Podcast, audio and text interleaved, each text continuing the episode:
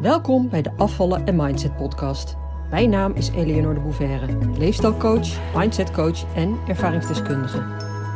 In deze podcast leer je hoe je kunt afvallen zonder dieet met behulp van de juiste mindset door je onderbewustzijn te beïnvloeden, waarmee je je ideale gewicht gaat bereiken en behouden. Welkom bij de Afvallen en Mindset podcast, aflevering 35.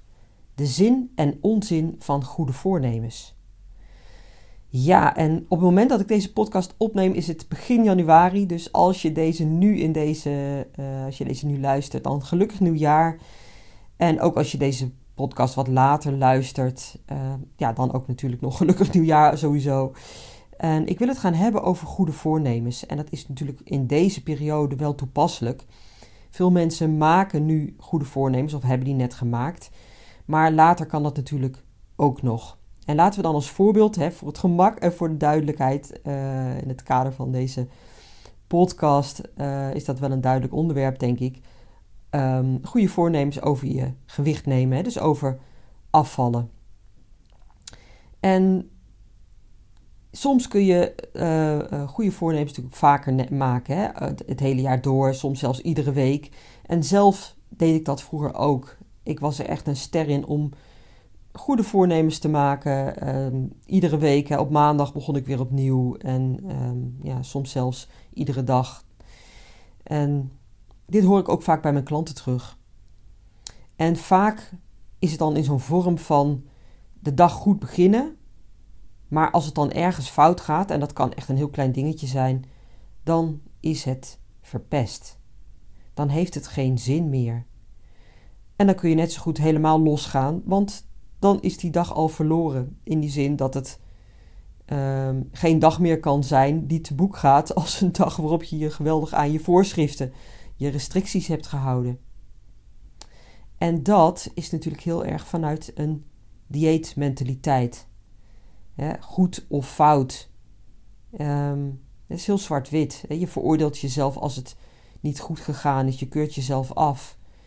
Um, en met zo'n houding houd je absoluut geen rekening met hoe jij in elkaar zit en hoe je brein werkt. Je hebt totaal geen compassie voor jezelf. Nou, daarover dadelijk meer. Maar even een vraagje. Ga eens bij jezelf na hoe vaak je goede voornemens hebt gemaakt in je leven. misschien alleen op of vlak voor 1 januari. Misschien wel vaker. En net als van mijn klanten dus, hè, misschien wel elke week of zelfs elke dag. En daar wil ik trouwens wel een onderscheid in maken. Er zit een verschil in. Hè? Het op wekelijkse basis of misschien zelfs op dagelijkse basis opnieuw beginnen is meer een patroon waar je in zit. Een manier om je staande te houden. Waarmee je jezelf als het ware sust door jezelf voor te spiegelen dat het morgen of volgende week wel gaat lukken. En zodat je nu nog even je gang kan gaan. Of het in ieder geval niet zo erg hoeft te vinden dat het nu niet lukt. Je verzacht daarmee dus de pijn. En ik weet dat omdat ik dat zelf dus ook zo lang gedaan heb. Zowel in de periode dat ik ja, normaal gewicht had, of misschien wel wat dunner was, hè, dus geen overgewicht had, maar wel een gigantische strijd met eten had. En ook in periodes waarin ik wel overgewicht had en enorme vreedbuien had. En dus ook die strijd met eten had. En alles daartussenin trouwens, hè. Bij mij liep alles een beetje door elkaar heen. In al die jaren dat ik, uh, ja, daar zo mee gestrukkeld heb. Waarmee ik meteen ook aangeef dat een strijd met eten absoluut niet hoeft te betekenen dat je ook daadwerkelijk overgewicht hebt. En vaak is dat wel zo, maar niet altijd. Ik heb ook klanten gehad die zich pijnlijk goed herkenden in die strijd met eten. Het beheerste hun hele leven, net als bij mij vroeger, maar die geen overgewicht hadden. Of in ieder geval geen fors overgewicht. Hè? En de buitenkant zag je niks aan ze. Maar wat er zich van binnen afspeelde, dat was één groot drama. Dat was een enorm gevecht met eten. Hun hele denken en doen was daarmee doordrenkt. Ja, nou, maar dat even terzijde. Ik had het over het verschil tussen uh, goede voornemens, hè, die je bijvoorbeeld uh, op 1 januari maakt, of na een periode waarin je flink bent aangekomen en tot het besef bent gekomen dat je dit echt, echt, echt niet meer wilt. Dus waarbij er sprake is van een omslagpunt in je hoofd. Althans, zo voel je dat. En aan de andere kant um, goede voornemens die je regelmatig maakt om jezelf te sussen, jezelf gerust te stellen. En daarmee ook jezelf gigantisch voor de gek kunt houden. En ja, het stomme is, stiekem weet je dat wel. Maar dat wil je tegelijkertijd eigenlijk ook niet weten. Je wilt het niet toegeven aan jezelf. En even goed ik zal dadelijk laten zien dat je eigenlijk in beide situaties, in beide gevallen, jezelf gigantisch voor de gek houdt. En in het ene geval is dat misschien wat duidelijker. Want je kunt zelf ook wel bedenken hè, dat je, wanneer je dagelijks of wekelijks jezelf voorneemt om het anders te gaan doen, en je tegelijkertijd ook heus wel weet dat het bullshit is, dat je jezelf daarmee in de maling neemt. Maar in het andere geval, hè, dus wanneer je goede voornemens maakt na een periode van balen van jezelf, nadat je flink bent aangekomen en je op een punt bent gekomen dat je het absoluut anders wilt, of, ja, op, of, of rondom 1 januari, wanneer er een nieuwe periode is aangebroken, een nieuw jaar, en je tegen jezelf zegt: tijd voor een nieuwe start. Aangemoedigd en, en gesteund natuurlijk door mensen om je heen, hè, die wellicht hetzelfde doen. Of die je in ieder geval heel goed begrijpen. Want dat is natuurlijk ook een moment waarop je dan een nieuwe start wilt maken. Het is zeg maar maatschappelijk geoorloofd en algemeen geaccepteerd. Maar ook dan houd je jezelf onbewust gigantisch voor de gek. Ook dat is een manier om jezelf staande te houden. Het is een zoethoudertje. Je zegt tegen jezelf dat je het kunt, dat je zo gemotiveerd bent dat het je hoe dan ook dit keer gaat lukken. En ik stelde je net al de vraag om eens bij jezelf na te gaan hoe vaak je goede voornemens hebt gemaakt. Alleen al wat betreft dit onderwerp. Dus als het ging om afvallen. Hoe vaak heb je dat gedaan? En hoe ging dat dan? In welke gemoedstoestand was je toen je die goede voornemens maakte? Wat was eraan vooraf gegaan? En dan doe ik even een aanname. En dit is gebaseerd op mijn eigen ervaringen en wat ik ook heel veel van mijn klanten terughoor. Je was waarschijnlijk het gehannes met eten, dat gedoe, dat voortdurende opleggen van beperkingen, dat wel en dat niet. Dat mag ik wel eten en dat is absoluut verboden. En dat opletten waar te veel calorieën in zitten, wat verboden is, of ja, wat je dan misschien juist weer wel mag eten. Nou ja, dat, dat continue gedoe met eten, die strijd waar je in verwikkeld was, dat was je zo ontzettend zat dat je tegen jezelf zei: En nu is het klaar. Vanaf nu doe ik dit nooit meer. Vanaf nu is dit voorgoed, voorgoed, verleden tijd. Was dat moment waarop je die goede voornemens maakte? Na zo'n periode waarin je baalde van jezelf en waarin je je gedrag of je situatie of, of allebei zo zat was dat je vastbesloten was om het roer radicaal om te gooien. Was je vanuit die gemoedstoestand er zo zeker van dat, je, dat het je dit keer ook echt ging lukken.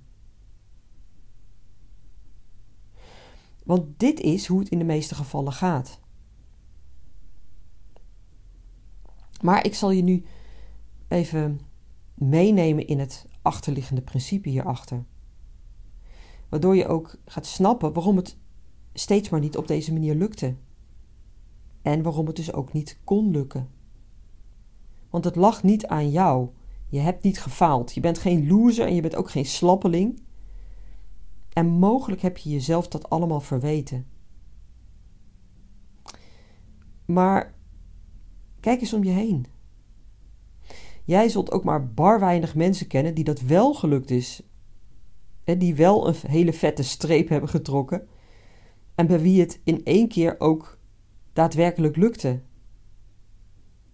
En misschien ken je wel zo iemand, maar dan kan het zijn dat het nog niet zo heel erg lang geleden is. En dikke kans dat het bij die persoon op een gegeven moment ook weer. Uh, dat hij dat ook weer terugvalt in oud gedrag. want zo gaat dat met afvallen. En dat is trouwens ook zo met stoppen met roken. En trouwens, als het gaat om stoppen met roken, want die vergelijking wordt ook vaak getrokken, ook door mijn klanten. En waarbij ze dan ook heel vaak zeggen: ja, roken is geen noodzaak, maar eten wel. Eten is overal. Iedereen moet eten, dus ja, dat is veel moeilijker. Maar ook dat is iets wat te betwisten valt. En wat voor de een misschien wel opgaat, maar voor een ander totaal niet. Ik heb ook klanten die ooit gestopt zijn met roken, en vaak cold turkey, hè, dus in één keer, en voor wie dat heel makkelijk ging. Maar afvallen ging dan totaal niet. Of waarbij het juist wel makkelijker ging. Juist omdat ze de ervaring hadden dat ze dat konden. dus in één keer stoppen met roken. Hoewel het punt dan weer is dat je ehm, het dan met restricties doet. En net als met roken. Je mag het gewoon niet meer, punt. En daar moet je dan even doorheen. En op een gegeven moment is de trek weg. Het verlangen verdwijnt. Alleen, en dat is inderdaad het verschil, roken is geen noodzaak en eten wel. En als je dat dus op dezelfde manier gaat aanpakken, gaat dat in de meeste gevallen ook niet goed. Of niet lang in ieder geval. Omdat je het dus vanuit restrictie doet. En waar het bij roken dan vaak iets makkelijker is, omdat je het niet nodig hebt en omdat je weet dat het je gezondheid ondermijnt. En vaak ligt er ook een doktersadvies aan ten grondslag, of is er bijvoorbeeld een sluimerend risico, hè, bijvoorbeeld op hart- en vaatziekten of, of longkanker of iets dergelijks, omdat dat in de familie zit. En dan is de noodzaak duidelijk aanwezig. Je voelt de pijn, de dreiging van het verder verpesten van je gezondheid. En met eten is dat vaak anders. En los nog van het feit dat iedereen dat dus doet. Hè? Eten is overal. Het is noodzakelijk. Het is sociaal wenselijk en geaccepteerd en ja, noem maar op. maar pas hiermee op. Want dit kun je dus ook weer heel goed als excuus gebruiken. Het is nou eenmaal overal voorhanden. Het wordt me onmogelijk gemaakt. Of ik wil niet ongezellig zijn. Ik ben de spelbreker als ik niets pak. Het lukt me toch niet om af te vallen, want je moet nou eenmaal eten. En ja, wat ik toch nog even wil benadrukken over die vergelijking tussen stoppen met roken en stoppen met overeten hè, of afvallen. Voor iedereen werkt dit dus weer anders. Maar in het algemeen zijn er wel een paar dingen waar je rekening mee kunt houden of waar je mee kunt werken. En het ene is dus die noodzaak.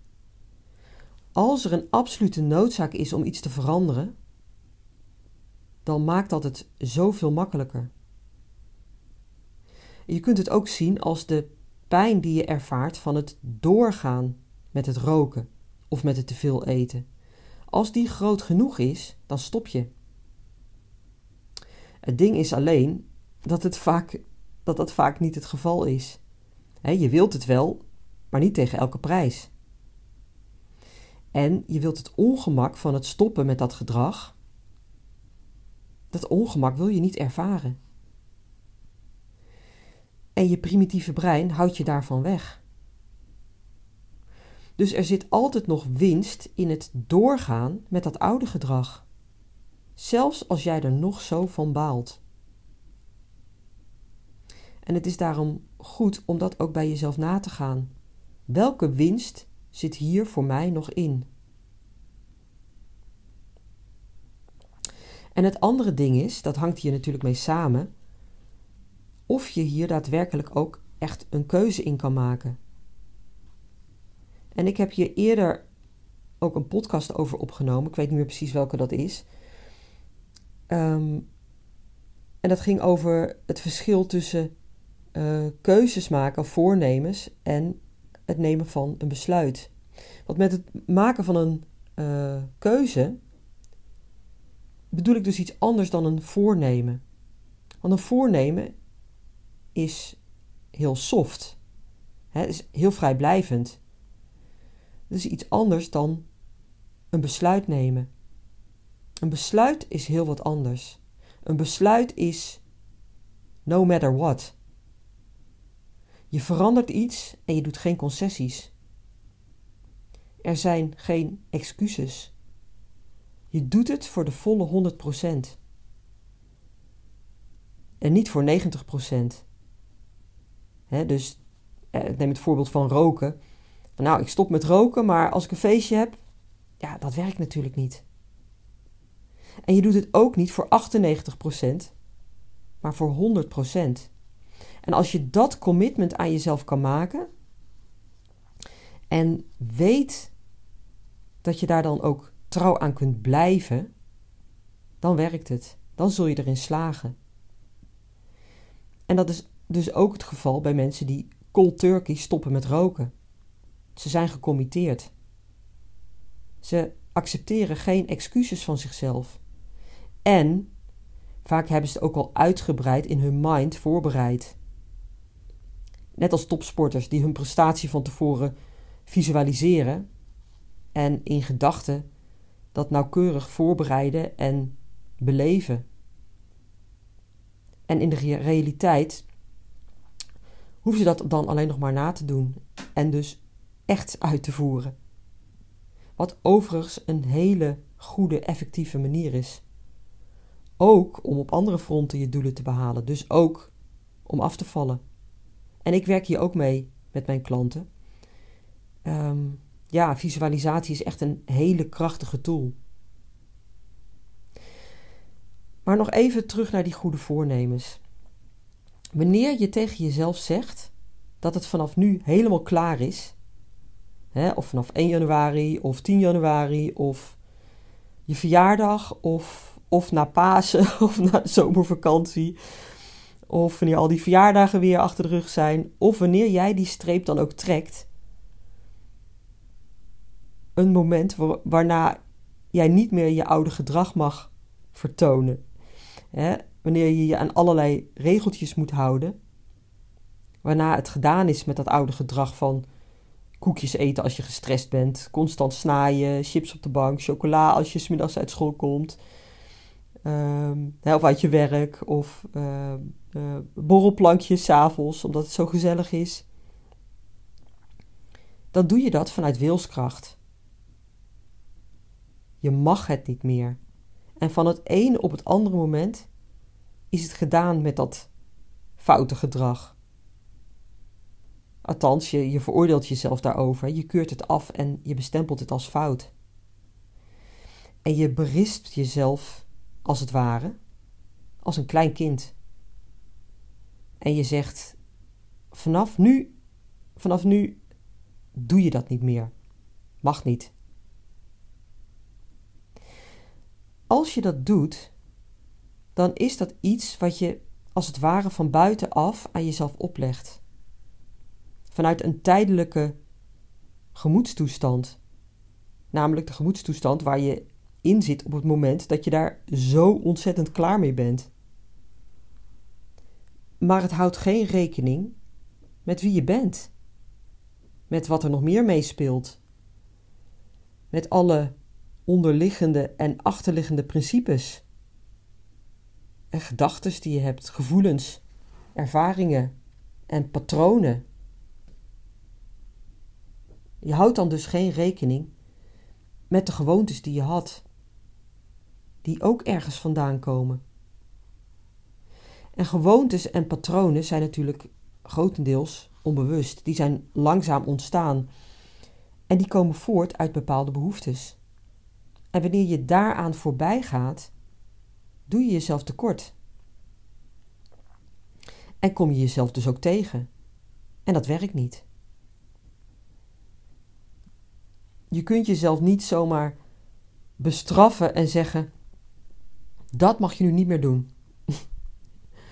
Als je weet dat meer dan 90% van ons gedrag, hè, tot wel 95%, onbewust is, dan snap je dat het ook geen enkele zin heeft om jezelf regels op te leggen. En vanuit wilskracht dit gaan proberen vol te houden. Dat werkt helemaal niet. Want je onderbewustzijn trekt alweer heel snel naar dat oude, bekende, vertrouwde gedrag. Die gaat weer naar dat oude gedragspatroon toe. Op wilskracht zal het je dus nooit gaan lukken. En dus hoef je het jezelf ook niet te verwijten als het weer niet lukt. Maar als je weet dat dit niet werkt, dat dit dus de verkeerde manier is, dan weet je dus ook dat je het niet op deze manier aan moet pakken. En dat is winst. Want daarmee kun je de volgende teleurstelling en frustratie voorkomen. Ik wil hiermee trouwens niet zeggen dat het helemaal geen goed idee is om goede voornemens te maken.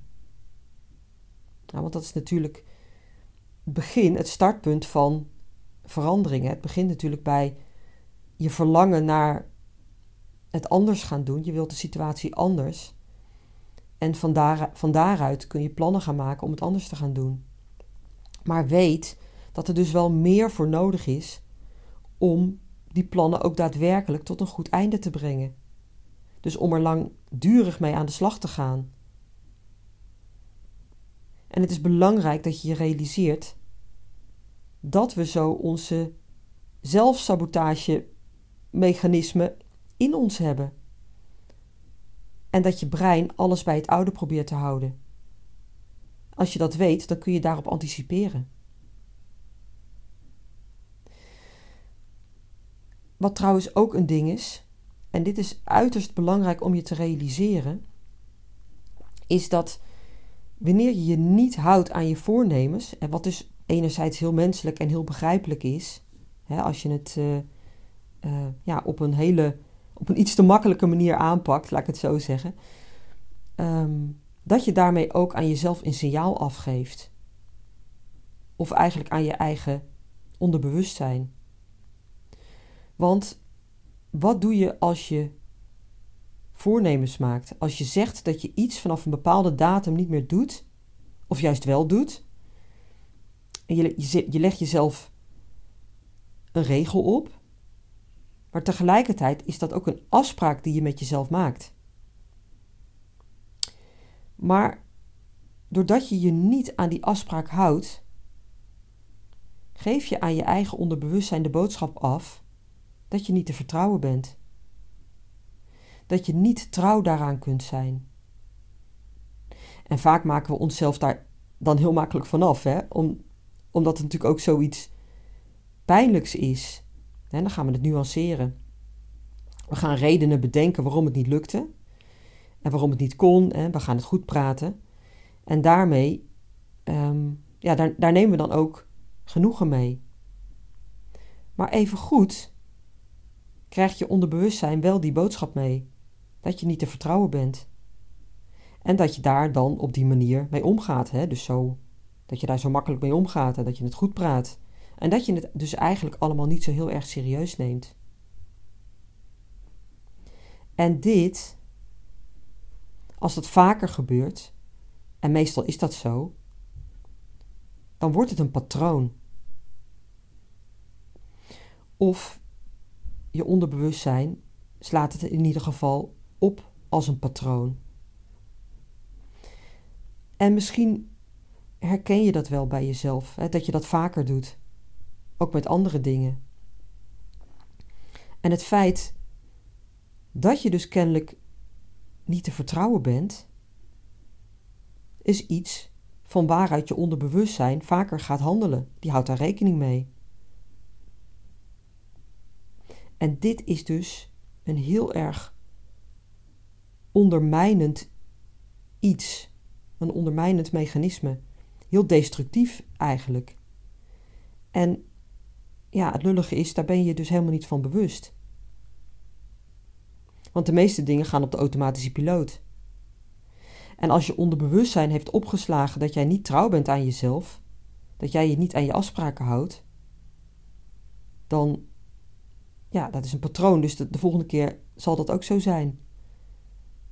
En ook daar ben je dan weer niet van bewust natuurlijk. Ja. Dus ja, wat uiterst belangrijk is, is om je bewust te worden van je eigen gedrag en um, gedrags- en gedachtepatronen, zo moet ik het zeggen. Van die patronen die, en die onderliggende overtuigingen die jou saboteren. En je daar bewust van worden is iets, um, ja, dat is een. Uh, is belangrijk om daar dan ook op dagelijkse basis mee aan de slag te gaan. En wat ik soms hoor, is dat mensen dat al heel lang proberen. Ja, ik probeer mezelf hè, met, uh, met mijn gedachten uh, in de hand te houden. En ik probeer mezelf te monitoren. Ik probeer mezelf in de gaten te houden. En... Maar dat zelf doen, dat lukt meestal niet. Waarom?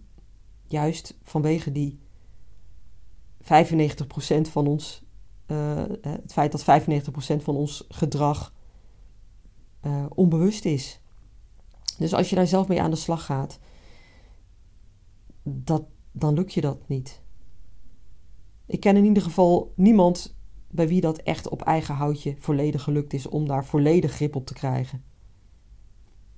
Dus ook dat is, kan weer een zoethoudertje zijn voor jezelf. Nou, ik ben ermee aan de slag. ik werk eraan. Maar het lukt je niet. Je blijft in dat cirkeltje ronddraaien, in dat hamsterwieletje.